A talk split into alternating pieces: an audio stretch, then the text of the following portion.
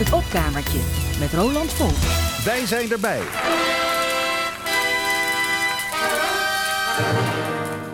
Ja, wij zijn erbij. En trouwe luisteraars van het opkamertje verwachten dat aansluitend op deze openingswoorden en het openingsmuziekje op de achtergrond meteen ja, het eerste lied klinkt van uh, het opkamertje. Zo doe ik dat altijd, maar vandaag doe ik het een beetje anders, want we hebben onze tijd hard nodig.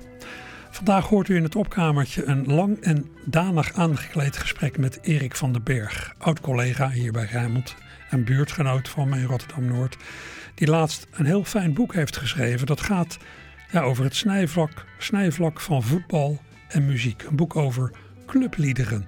Uit volle borst heet het. En aangezien we het niet alleen hebben over clubliederen van FC Dordrecht, Feyenoord en Sparta, clubs uit de regio Rijnmond, doen we dit gesprek in het opkamertje en niet in Archief Rijnmond. We beginnen wel met een Rotterdams voetballied. We beginnen met de fraaie Sparta-mars.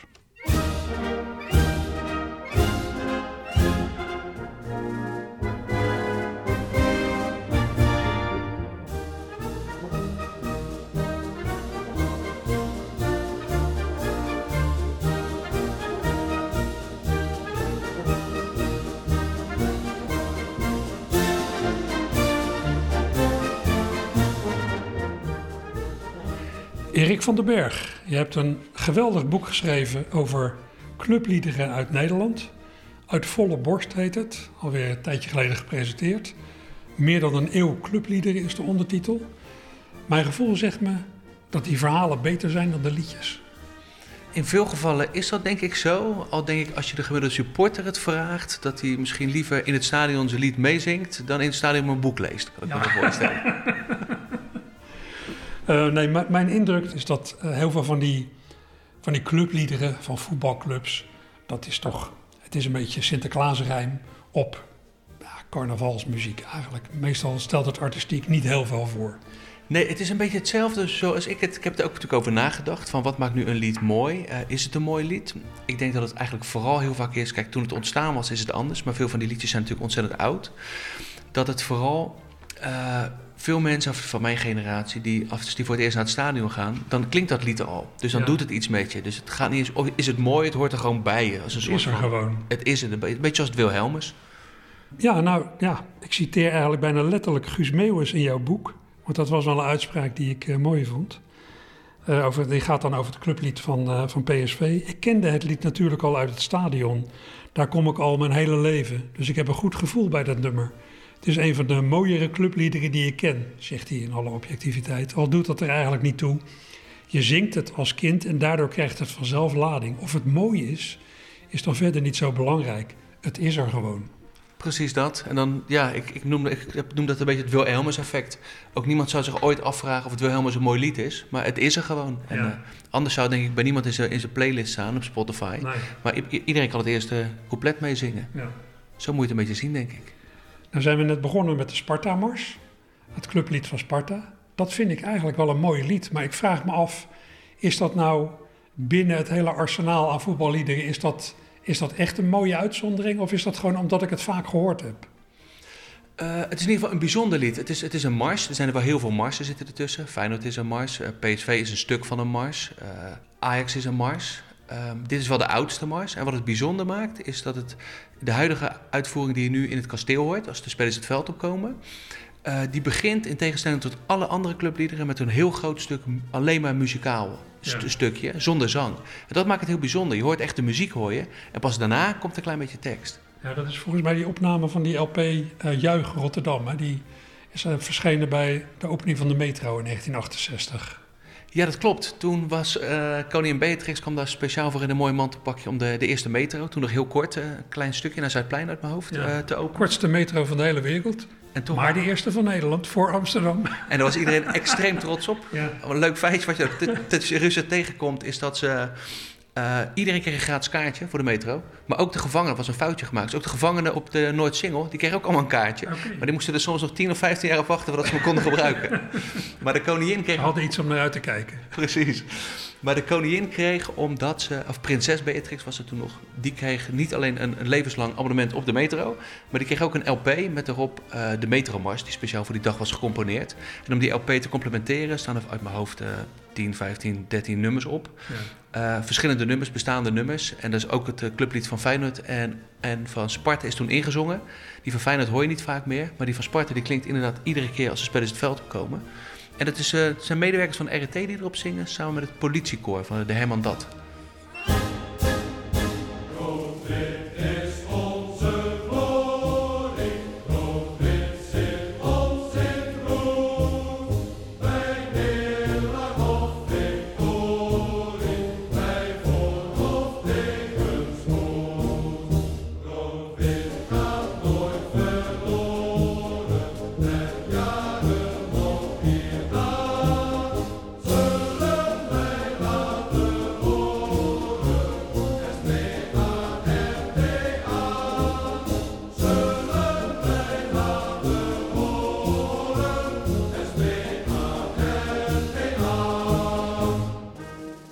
Vind het ook een geweldige, mooie, majestueuze uitvoering.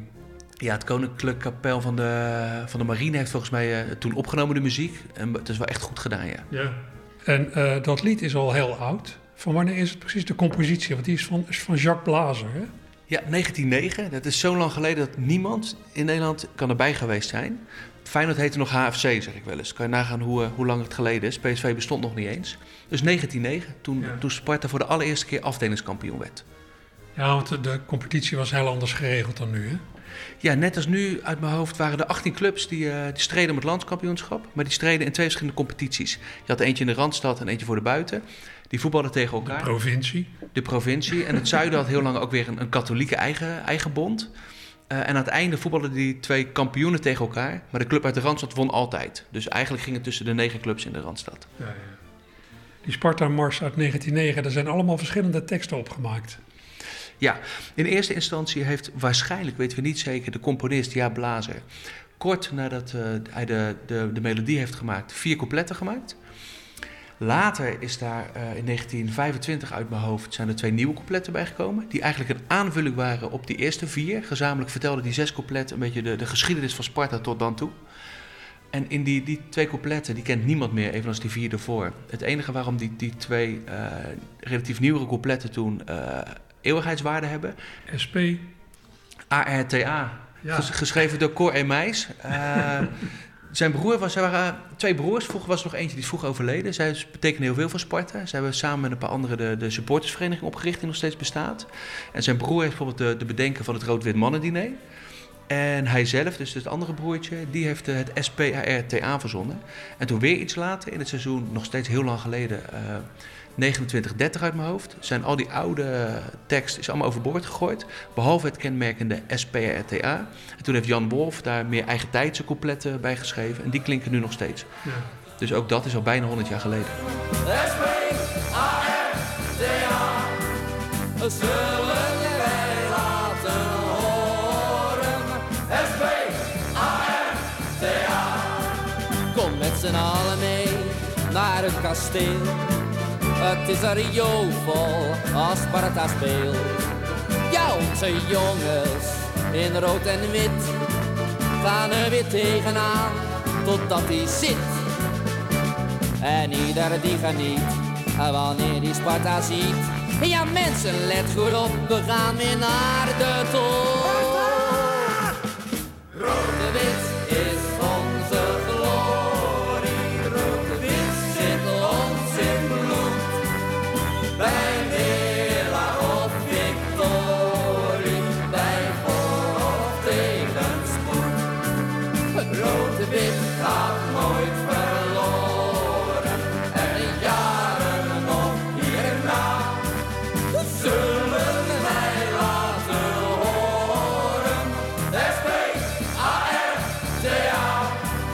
Zullen wij laten horen.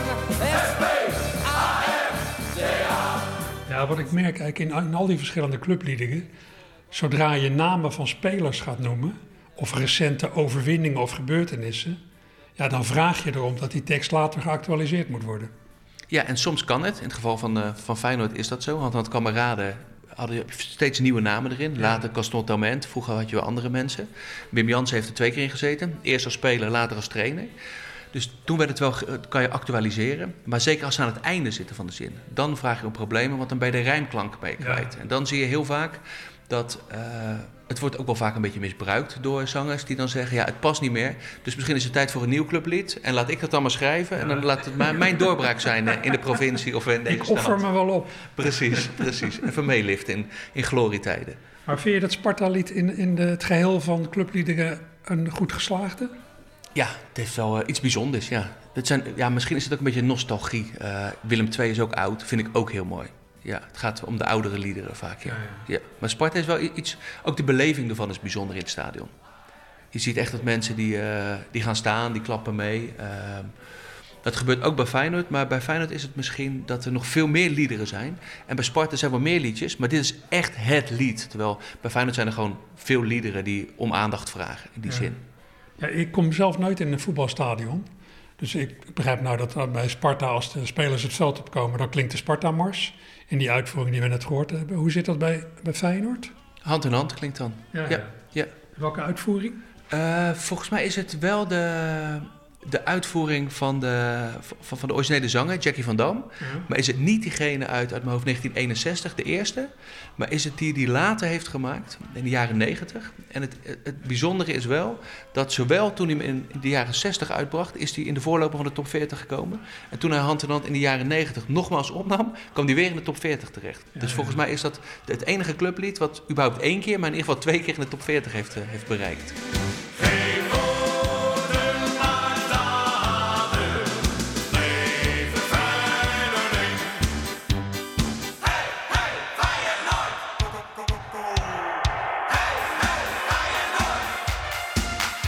Wat het spanning,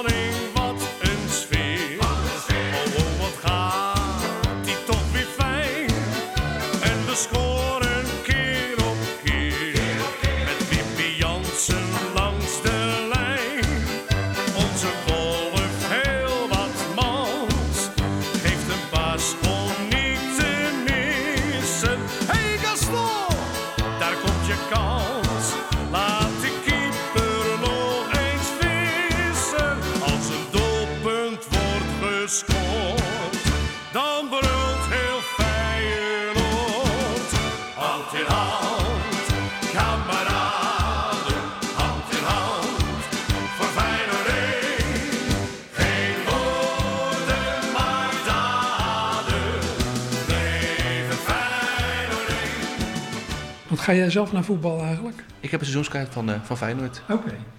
Dus ik, ik, hoor hem vaak. Ja. Ja, ja, ja. Nou ja, Hand in Hand Kameraden heeft ook een interessante geschiedenis. Ik ben daar zelf ook wel eens ingedoken. Je, je citeert mij ook in het, in het boek. Dat, uh, er wordt altijd beweerd, ja, Hand in Hand Kameraden, dat is van oorsprong een Duitse mars.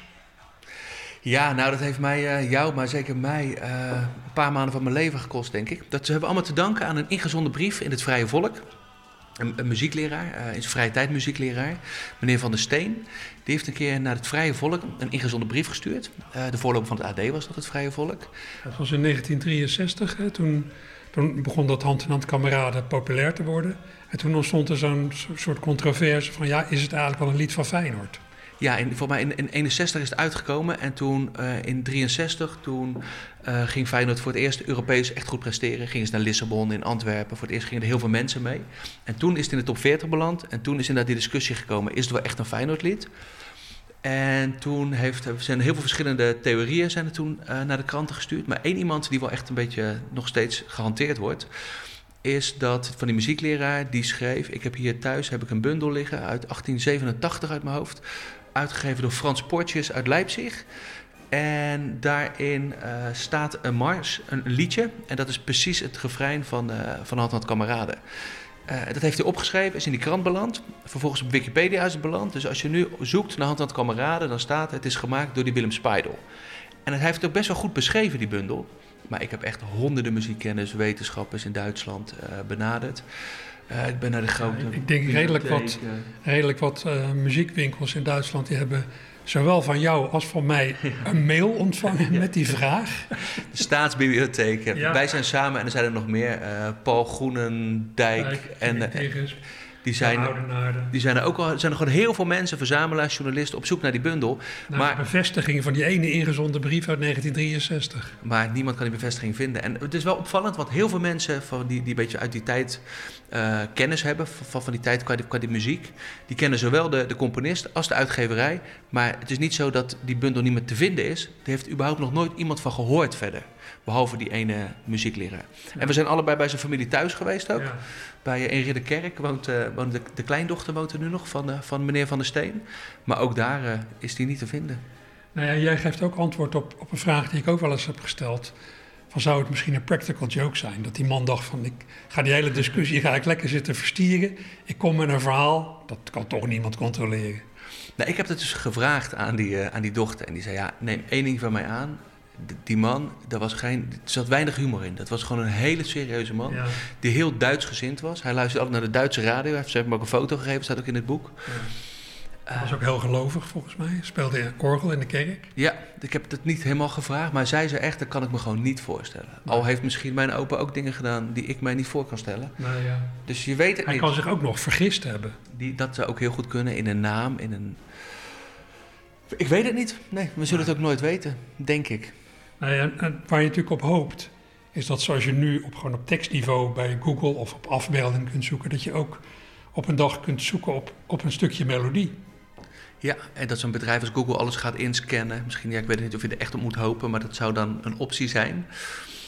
Uh, al vind ik dat we het nooit zullen weten, ergens ook wel een mooi verhaal. Ja. Maar dan nog is de, de, de Feyenoord-uitvoering die zoals we nu kennen... de coupletten zijn natuurlijk gewoon Rotterdams van Jaap Valkhoff geschreven. Ja. Maar de melodie, uh, die heeft een oudere oorsprong. Ja, want we hebben het nu over het refrein, hè? hand in hand, kameraden. Terwijl die coupletten, dat is wel duidelijk, dat is door Jaap Valkhoff gemaakt. En dat vind ik ook, die vind ik heel goed geschreven.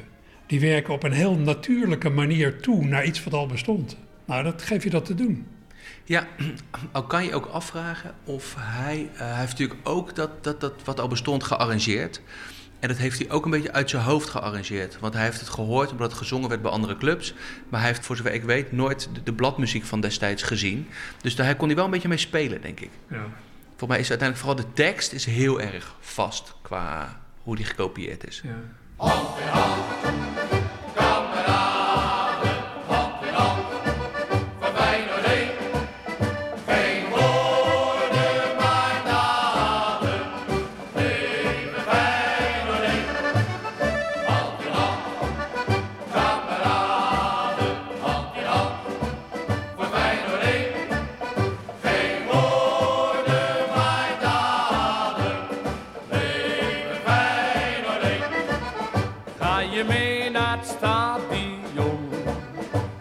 De ploeg van rood en wit.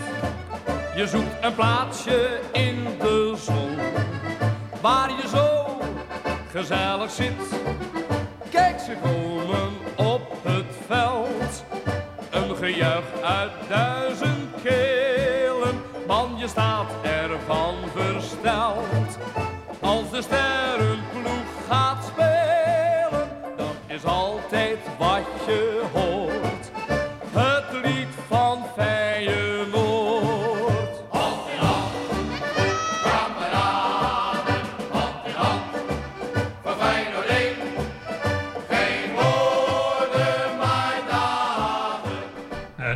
bladmuziek uit 1927 hè, van de ASV-mars van de Holland-Amerika-lijn. Of 28. dat- dat- dat- Ik dacht 27, Ja, je maar nou ja, oké.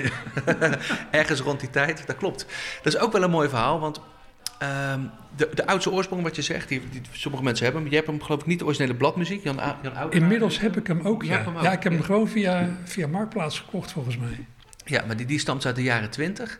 Wat er toen gebeurde, dat was in de tijd, eh, ja, lang geleden waren er nog geen passagiersvliegtuigen. Als je naar Amerika wilde, moest je, moest je de boot nemen, het stoomschip. Volgens mij een dag of tien was je daar. Voor mensen die eh, de Titanic hebben gezien, kunnen zich een beetje een beeld van zo'n tocht hebben voor de jongere mensen. Al waren die schepen van de Rotterdam-Amerika-lijn waren een stuk kleiner. Die voeren vanuit En als je Rotterdam. niet eerste klas reisde, dan viel het comfort erg mee. Ja, dat, dat zit ook in de Titanic. Ja, boven heb je natuurlijk Ja, de rijke ja. mensen en daaronder zaten de, de Oost-Europese vluchtelingen die eh, op zoek naar, eh, die gingen emigreren naar het beloofde land Amerika. Maar dan hebben we het echt over de jaren 20. En die boten die voeren niet alleen vanuit Rotterdam en Amsterdam naar New York, maar ook vanuit Portugal en vanuit Engeland en vanuit Ierland. En daar lagen ze het vaak een paar dagen voor de kust lagen ze.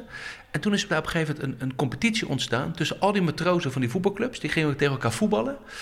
Eh, en de winnaar die kon zich een jaar lang de, de, de champion of, de, of de, koning van de oceaan noemen. En die kreeg ook een zilveren wisselbeker. En toen voor die voetballers van een van, van die schepen van de Noord-Amerika-lijn... eh, is toen een soort van aanmoedigingslied geschreven eh, voor dat voetbalteam. En dat heette ASV, Atlantic Sportvereniging. En dat ging inderdaad hand in hand, kameraden. Hand in hand, werkt alle mee. Geen woorden, maar daden, leven ASV. En de theorie is wat later is dat liedje eh, als een soort van spreekwoord bij veel verschillende voetbalclubs in Rotterdam en rondom Rotterdam opgedoken. En dan verbasterde iedereen dat ASV naar zijn eigen club. Ja. Eh, en de theorie is een beetje dat al die matrozen het meegenomen hebben, eh, dat die het zijn gaan zingen. En toen is inderdaad Jaap Valkhoff, die, heeft toen, die, die werd toen gebeld door Johnny Hoes, bekende platenmaker, muzikant. En ook voetballer bij Coal op Zuid. Ja, hij voetbalde bij Coa op Zuid. En hij zei toen bij mij op Coa op Zuid, wordt dit, ook dit gezongen? Kun jij daar niet gewoon een volledig lied van maken? En zo is dan hand in hand En kameraden. dan voor Feyenoord, dat nu zo'n succes heeft. En waar dus gewoon geld aan te verdienen is. Want zo was Johnny Hoes natuurlijk ook wel. Ja, die was daar goed in, ja. Dat staat heel bekend. ik, ik, bijna, ik denk de helft van de mensen die ik geïnterviewd heb voor het boek, de helft van de muzikanten, die heeft een link met Johnny Hoes. Ja. En eh, vaak eh, ja, was er ook geld mee gemoeid. Dat klopt. Ja, Een platenboef wordt hij ook wel eens genoemd. ja. ja. Wat een spanning, wat een. Kijk, de bal gaat langs de lijn. Heel de kuip gaat wild tekeer.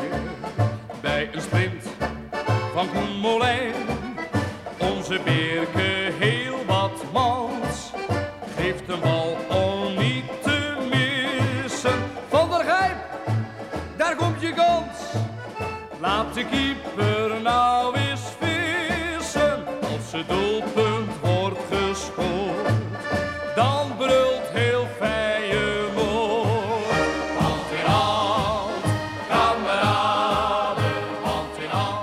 Wat ik ook een geweldig verhaal vind in je boek is eh, Helmond Sport. Wat wordt er tegenwoordig gedraaid in het stadion van Helmond Sport? Weet jij dat? Ja, dat is dat lied. Als Wat is de, dat lied? als de spelers het veld opkomen, klinkt dat lied. Laten we even horen. Heb je dat? Ja hoor, komt-ie.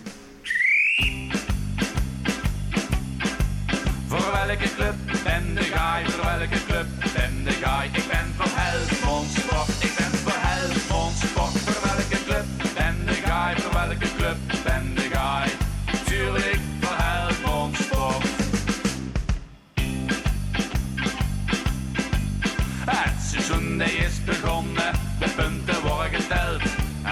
Die dan niet komen, gebruiken we geweld. En als hij ook niet uit, ja, dan klimmen we op het veld. De media, de spelers, ja, iedereen is te versteld.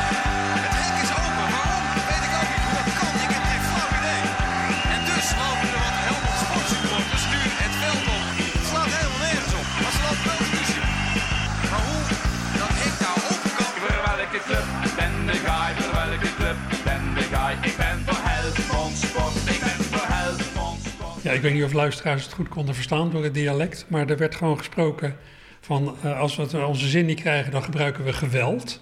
En, en desnoods gaan we ook het veld op. dat is toch wel opmerkelijk in een clublied. Ja, en het, het, het meest opmerkelijke is dat die man die het geschreven heeft, Peter van der Els, die heeft ook echt kort daarvoor, hij zegt alles in het lied is echt gebeurd. En hij is degene die toen het veld bestormde. Daar heb ik ook beelden van. Eh, en Wanneer was dat? Eh, in het seizoen, poeh, jaren 90 uit mijn hoofd. Ja, kan ik nazoeken, maar volgens mij jaren 90. Heeft hij nog een stadionverbod gekregen? Nou, het mooie is, hij zegt het zijn andere tijden. Het mooie is toen ik hem sprak, toen ik langskwam. Hij zegt, we kunnen op de club afspreken, want dan werk ik tegenwoordig als kok. En toen werkte hij in het spelershome en kookte hij eieren voor Tommy Beugelsdijk. Dat was, eh, hij was toen gewoon echt de kok van het, van het eerste van Helmond Sport. Het kan verkeren. Ja, het kan verkeren, ja. Maar het gaat wel ver, of het, gaat wel, het is in ieder geval opmerkelijk dat als de spelers het veld te komen, dat er een lied wordt gedraaid over we gooien bommen op het veld. En ja, ik vond het wel opmerkelijk, ja. Ja. ja. Ik denk dat het ook, ik heb er wel een beetje over nagedacht. Het, is natuurlijk Helmond, dat is wel een iets rauwer eh, om op te groeien dan, ik noem maar wat, in, eh, in Kralingen, ik noem maar wat. Ehm, maar wat dus denk ik heel vergoeilijkt, is dat het eigenlijk gewoon een heel positief, vrolijk carnavalsnummer is met een heel blij refrein. Ja. Ik denk als je deze tekst op gabbermuziek zou zetten, dat het een, dat het een andere uitkomst zou hebben. Ja, ja, ja. Maar er is toch, dat begrijp ik tenminste uit je boek, er is binnen de club ook wel weerstand tegen geweest. Nou, er zijn wel bestuurders. Via het bestuur is wel aan hem gevraagd: Peter, leuk lied. Want het, hij heeft het gewoon geschreven als carnavalsliedje, gewoon voor de grap. Vervolgens, eh, hij speelde gewoon in een rockband. Dus we deden gewoon één keer mee aan een carnavalsongtekst Ja. eh, competitie. Niet gewonnen, ja, één keer gespeeld. Maar we moeten rockband met zo'n lied. Helemaal laten liggen. Een paar jaar later heeft hij toevallig eh, heeft iemand het via hem gekregen en op, op Helmond met dubbel L op zo'n fans-website gezet. Ja. En toen is het heel snel gegaan. Werd het ineens een allemaal kroegen gedraaid. En werd het echt een hitje, werd het. En toen, ja, onder druk van de supporters, moesten ze het eigenlijk wel gaan draaien. Iedereen zei, we willen dat horen in het stadion. Ja. En toen heeft het bestuur wel gezegd, Peter, kan je de tekst aanpassen voor ons? En toen heeft hij gezegd, eh, nee. Fuck it. Ja, fuck it, ja. Dit is wie wij zijn. En anders draai, het is een letterlijke tekst, anders draai je het toch niet? Ja, Ja. prima. Even goede vrienden. En dan draaien ze het wel. Nu draait het wel, ja. En dan zingt het ook wel eens op de stip. En ik was laatst ook een keer een wedstrijdje mee. En dan eh, na afloop was gewonnen hebben, zingt hij het ook in het, eh, in het spelershome. Ja, ja, ja. Ja, dat leeft echt. Ja, Het is helemaal omarmd. ja dat is wel hun lied. Ja. Bomknal, hey!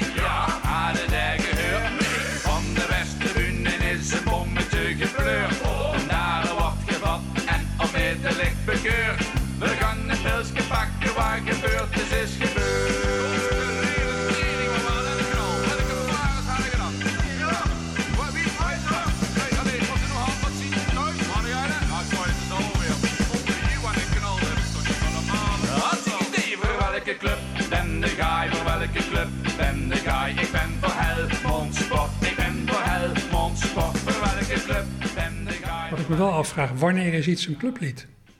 Nou, ik begon daarmee eigenlijk in, in de veronderstelling dat, dat iedere club naast ja, een naam, een stadion en clubkleuren een officieel clublied heeft. Ja.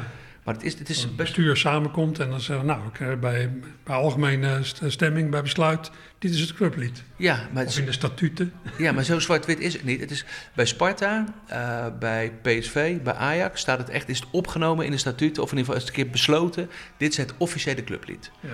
Eh, bij Feyenoord is dat niet het geval. Hand in hand is niet het officiële clublied. Dus dat is een beetje een grijs gebied. Ik ben op zoek gaan naar bij, bij ieder. er is ook niet een ander officieel clublied bij Feyenoord.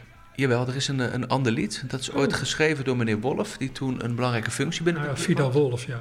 Ja, en die heeft ooit een officieel clublied geschreven. Dus ik was er zelf niet bij. Maar in de wandelgang heb ik ook wel eens gehoord dat Hand in Hand nooit omarmd is, ook door hem. Omdat hij liever zijn eigen clublied eh, Ja, ja, ja. naar voren wilde schuiven. Maar dat, eh, ja, ik weet de tekst niet eens uit mijn hoofd. Oké, je hebt er wel een opname van, of is die, ook- bestaat die ook niet? Poeh, ik, ik heb wel bladmuziek geloof ik ergens boven. Ah, ja. Of de tekst, ik ben het wel tegengekomen tijdens mijn zoektocht. Maar ik heb het ook een beetje laten zitten, omdat het voor het verhaal vond ik het uiteindelijk niet heel boeiend. Nou, dat is misschien wel aardig om het een keer door iemand te laten uitvoeren. Maar je, je, had, een- je was begonnen aan een verhaal over wanneer iets een clublied is. Dat, bij een paar clubs is dat dan officieel besloten, maar bij de meeste niet. Nee, en dan is het een beetje mijn eh, eigen vrijheid ook om gewoon... Ik heb gewoon... eh, bij, soms marchandeer je een beetje. Bij sommigen is het echt een officieel clublied. Bij de meeste me- clubs in het boek is het officiële clublied. Bij sommigen is het diffuus. Maar dan vraag ik gewoon en het bestuur en aan, of aan de mensen van de club en aan de supporters... wat vinden jullie nou het meeste het clublied? En wat wordt er gezongen in het stadion? Ja, soms komt daar echt wat uit. Vaak eh, is het wel dat die officiële clubliederen zijn vaak ook de opkomstliederen. Die hebben wel een soort van bestaande status. Die worden vaak op een bepaald moment gedraaid ook. Of ze zitten zoals bij Feyenoord helemaal in de merchandising, kameraadjes. eh, dat zit er allemaal heel erg in. Eh, maar er is niet zoiets als dit. Is, er zijn ook gewoon clubs die hebben geen officieel clublied. Die hebben er ook tussen. Utrecht, geen idee. Een gemis? Ja, ja, hangt er vanaf hoe ze het gaan uitvoeren vervolgens. Ik vind ook een clublied vind ik het pas mooi als het wat ouder is. Dus het moet wel, als je Ja. nu een clublied zou schrijven in Utrecht, dan heb je kans dat het over 30 jaar een heel mooi lied is. Ja, het betekent natuurlijk pas wat als het omarmd is door de mensen. En daar heb je tijd voor nodig. Ja, en dat is dan wel, eh, bij Helmond is dat misschien tussen. Wel bijna alle, dat vind ik wel bijzonder aan bijna al die liederen in mijn boek, die ik dan een beetje als clublied definieer. eh, die zijn vaak wel omarmd door en eh, het stadion en de club zelf. En dat is niet voor alle liederen weggelegd. Dus dat is ook wel een, een deel wat dan richting clublied stuurt, denk ik, qua definitie.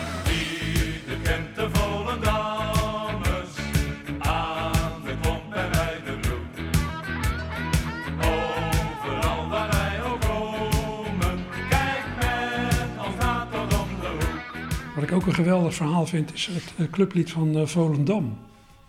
Ja, de familie Muren. De, de vader van de twee eh, beroemde voetballers. Ja, Arnold en Gerry Muren had je vroeger. eh, eh, tweeling was het geloof ik, of niet? Nee, hun Twee vader broers. was een tweeling. Zij waren twee broers en hun vader was een, was een tweeling. En dan de, ze- hun vader was dan de tak van de tweeling. Die kreeg alle beroemde voetballers. En die andere kreeg de beroemde muzikanten. Zoals eh, Arnold Muren van de Cats, bijvoorbeeld. Ja, Ja, ja, ja. Oké. dat zijn de muzikantentak. En jij hebt het origineel teruggevonden van het clublied. Ja, ehm, dat, Want wat, wat klinkt er vandaag de dag in het stadion van Volendam? het clublied. Dat is de, de broer van die voetballers is nu stadionspeaker.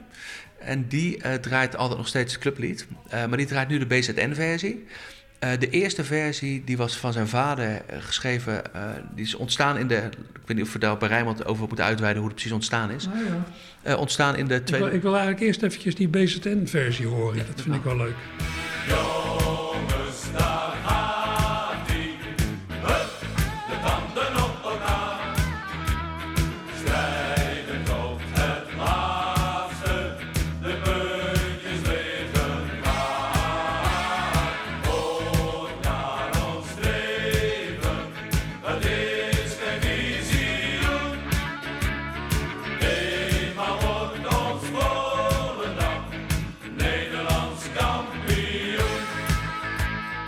Ja, en eventueel kampioenschap, dat hoor je in heel veel liedjes terug, hè? Ja, dat hoor je heel vaak. Eh, je hebt ook een paar waarin ze wat nederiger zijn hoor. Dat ze, ook al worden we geen kampioen, dan eh, blijven we toch maar eh door. Ja, ik vind dat zo mooi aan dat Sparta-lied. Van bij neerlaag of victorie. Dat ze ook rekening houden met een nederlaag.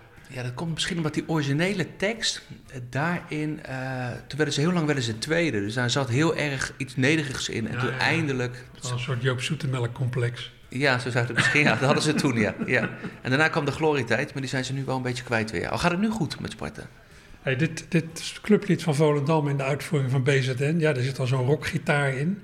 Verder klinkt het ook, ja, het is een beetje een carnavalsnummer van nu.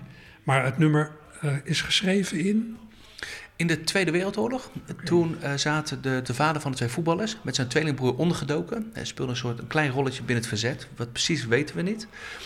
Eh, en toen floot hij een deuntje. Eh, en toen zei hij tegen zijn broer, P, dat is later de stadionspeaker geweest van, eh, van Volendam.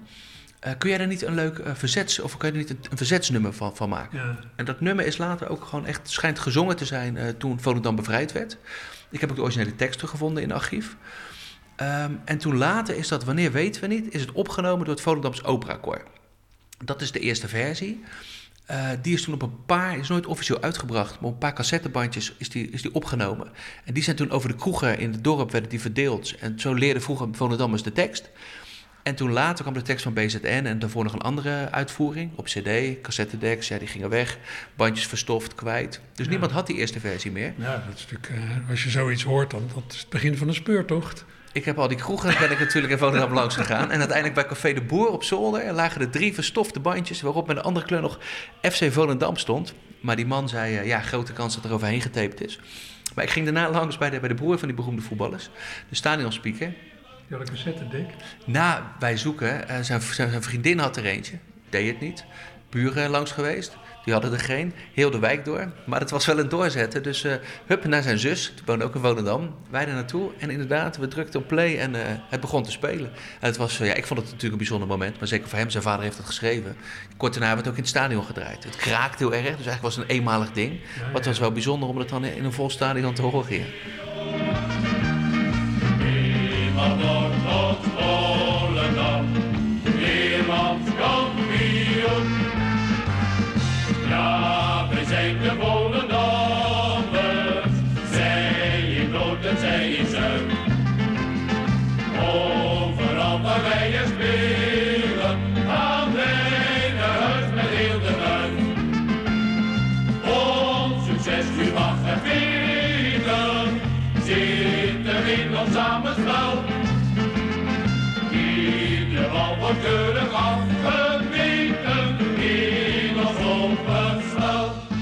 En zo heb je zelfs, ik zou zeggen, als onderzoeker meegeholpen aan je onderwerp. Ja, zeker. Ja, ja heel, er zijn wel meer dingen. Bijvoorbeeld niemand weet hoe de, de componist van het Ajax Clublied bijvoorbeeld... die is eh, in de Eerste Wereldoorlog, heeft hij dat geschreven. Hij was een Belgische vluchteling. Hij is kort na de Eerste Wereldoorlog teruggegaan eh, naar, naar België. En niemand weet hoe die man eruit ziet. Maar ik heb in de Belgische krant, die al 30 jaar niet meer bestaat, in een archief van die krant, heb ik een, eh, een foto van hem gevonden. Dus zo iemand krijgt voor het eerste gezicht. Zo heb ik aan heel veel mensen wel voor het eerste gezicht gegeven. Of binnen familiearchieven heel veel foto's gevonden. Dus ik heb wel iets, eh, ja, bij iedere club wel iets, echt iets bijgedragen aan Ja, je bent er ook tien jaar mee bezig geweest. Ja, niet constant, maar... Maar ja, wel tien jaar, ja. Misschien nog wel langer zelfs, bedacht ik wel Maar het verhaal was toch ook dat het clublied van Ajax geschreven is door een Rotterdammer? Ja, dat klopt. Daar kwam ik achter via stamboomonderzoek. Dat zijn ook wel van die grappige momentjes. Ja. En het was zo grappig, toen heb ik... Maar je zei het was een Vlaming. Nee, dat, dat was de, de tekst is geschreven door Rotterdammer. En de, muzie- de, de muziek is gecomponeerd door een Belgische vluchteling. Ja, ja, dus een. Belg en een Rotterdammer is het. Ja. En toen ik die, die, die nazaten van die Rotterdammer, ja, zo meer dan 100 jaar geleden geschreven ook het lied. Toen ik die opzocht, de meeste wonen in Rotterdam. Toen kreeg ik vrij snel te horen: nee, onmogelijk. Ja, het kan niet. Dus eh, die mensen willen gewoon niet meewerken ook. Nou ja, ik- kijk, ik heb meerdere lofliederen op Amsterdam geschreven door Rotterdammers. Door Louis Davids, eh, eh, Jaap van der Merwe, Alex de Haas. Het kan gewoon hoor, Jaap Valkhoff. Het is toch zo dat Jaap Valkhoff, de schrijver van het, van het Feyenoord Clublied, ook eh Oh Johnny Zing een liedje Ja. voor mij heeft gemaakt. Ja.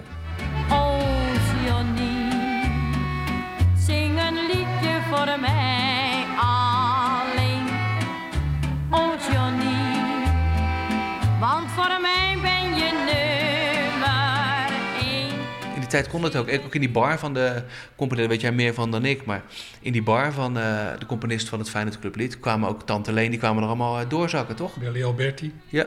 ja, dat was wat gemoedelijker, denk ik. Maar ik geloof dat die controverse Amsterdam-Rotterdam, die heerst natuurlijk in voetbalkringen, maar onder artiesten veel minder. Dat is, eh, nee, dat is een, een gemeenschap op zich. Ook wel goed, misschien. Ja, ik vind die rivaliteit, dat is... ik weet niet, als je het een beetje doortrekt, dan is het zoiets als de Hutus en de Tutsis. Ik vind het altijd een beetje, een beetje kleingeestig. Ja, misschien dat daar nog meer eh, culturele achtergronden aan ten grondslag liggen. Maar... oké, ja. Wat ik ook een geweldig verhaal vind in je boek, eh, is het verhaal van FC Dordrecht. Dat geeft wel heel duidelijk aan, ja, als, als de naam van de club verandert, of het stadion, of de spelers, ja, dan moet je weer een nieuw clublied eh, verzinnen. En dat is daar heel veel gebeurd. Ja, in 30 jaar tijd eh, is die club, eh, volgens mij uit mijn hoofd, zes keer van naam veranderd. Je had SVV Dordrecht 90, je had DS 79, eh, DFC, dat was de oude natuurlijk, FC Dordrecht. En steeds als, als die, die, die naam werd veranderd, veranderden ook de clubkleuren vaak mee. Eh, er werden ook nog eens trainers bezongen. Dus om de paar jaar moesten zij op een gegeven moment naar, naar een nieuw clublied. Ja. En ze zijn niet allemaal echt als officieel als clublied omarmd. Maar het geeft wel heel erg die, beetje die clubliederen tombola aan. Van, van ja, hoe vergankelijk het ook kan zijn. Ja.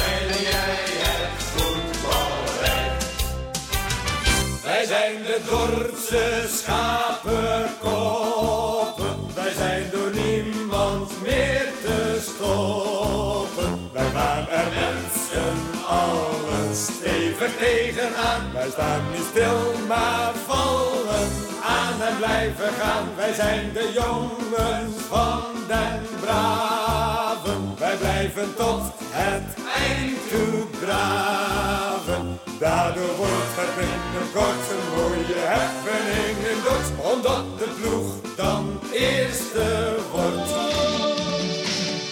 FC Dordrecht, mijn Dordrecht. FC Dordrecht,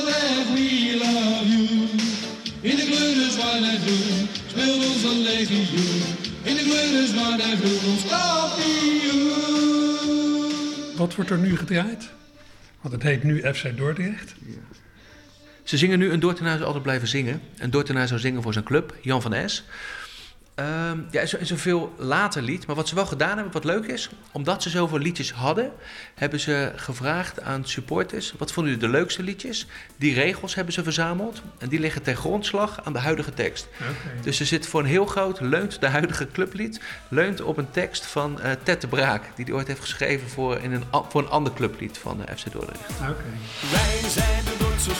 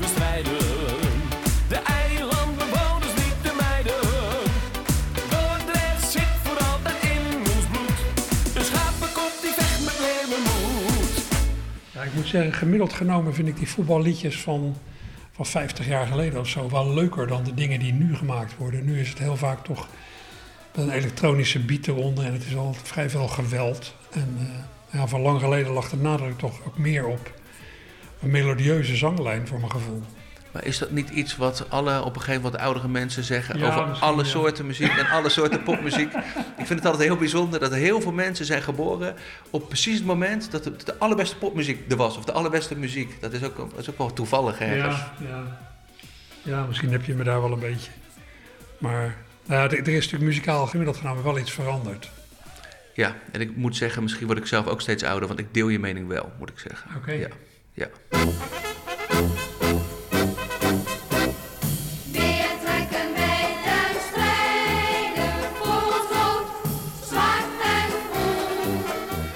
En je bent langs geweest bij Lily de Vos. Dat vond ik ook geweldig.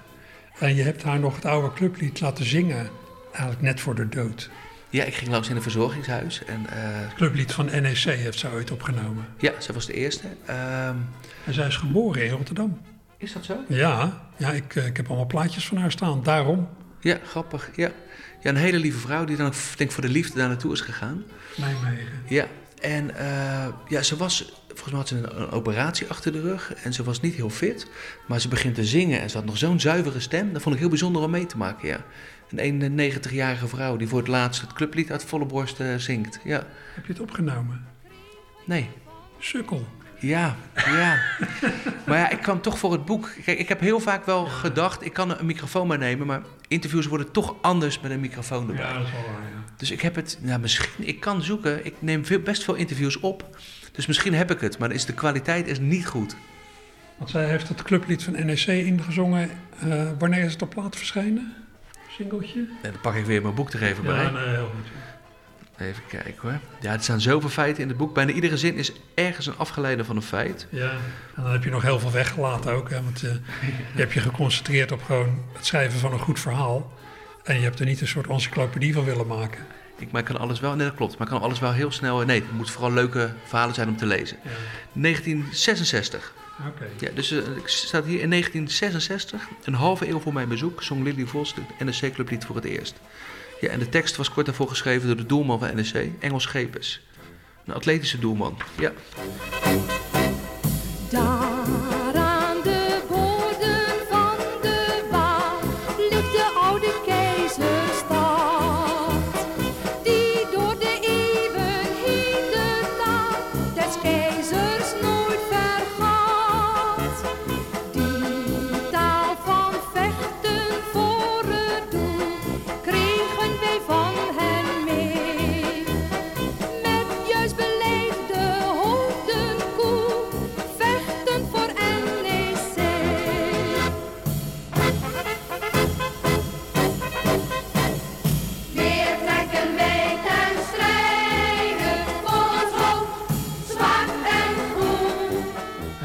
Is eh, niet zo heel erg lang na je bezoek overleden.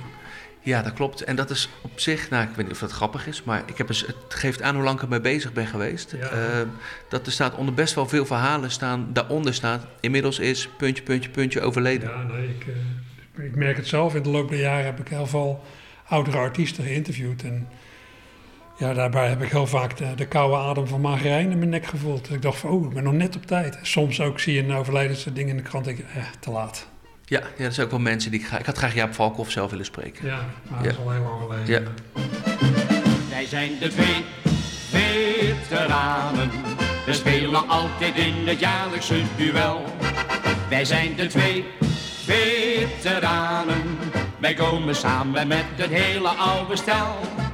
We gaan hem lekker weer eens raken. Weer echt gezellig kooltjes maken. We spelen een partijtje voetbal eerste klas. Eerst de man en dan de bal. En daarna een doffe knal. En dan ligt er een voor Pampus in het gras. Nou, het is een geweldig boek. En eh, ja, zoals ik in het begin al zei, ik denk eigenlijk dat het boek beter is dan de liedjes. Nou, dat, is, dat zie ik dan maar als een compliment. En dan hoop ik dat de liedjes ook goed zijn. Heb je zelf nog een favoriet?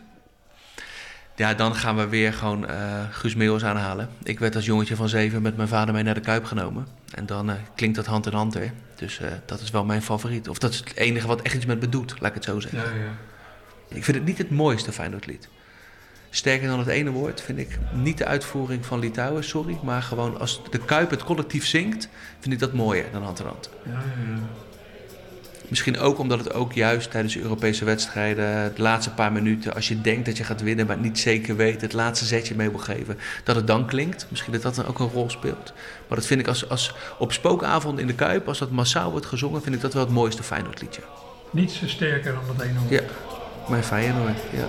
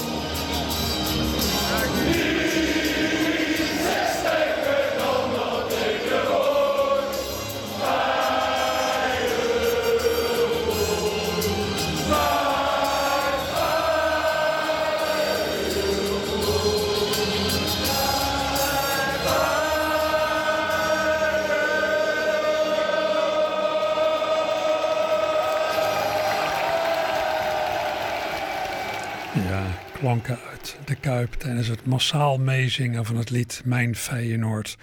Voor Erik van den Berg het mooiste voetballied.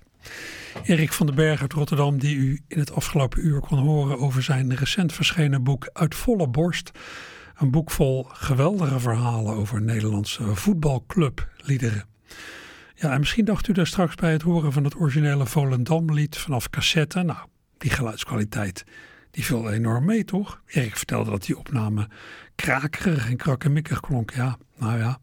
Er zijn uiteindelijk toch meerdere kopieën van opgedoken, waaronder een redelijke stereoversie. En die heb ik van de week in de computer nog zitten opkalevateren ook. Nou, vandaar. U weet voor alles over, eh, over voetballiederen en verder, eh, ja, er staan nog veel meer mooie verhalen in het boek Uit volle borst. Tot zover het opkamertje voor vandaag. Uh, hierna nog meer mooie muziek en in de loop van de middag collega's van de sport die ja, het voetbal verder inhoud gaan geven. Maak eens van uw dag. Joep.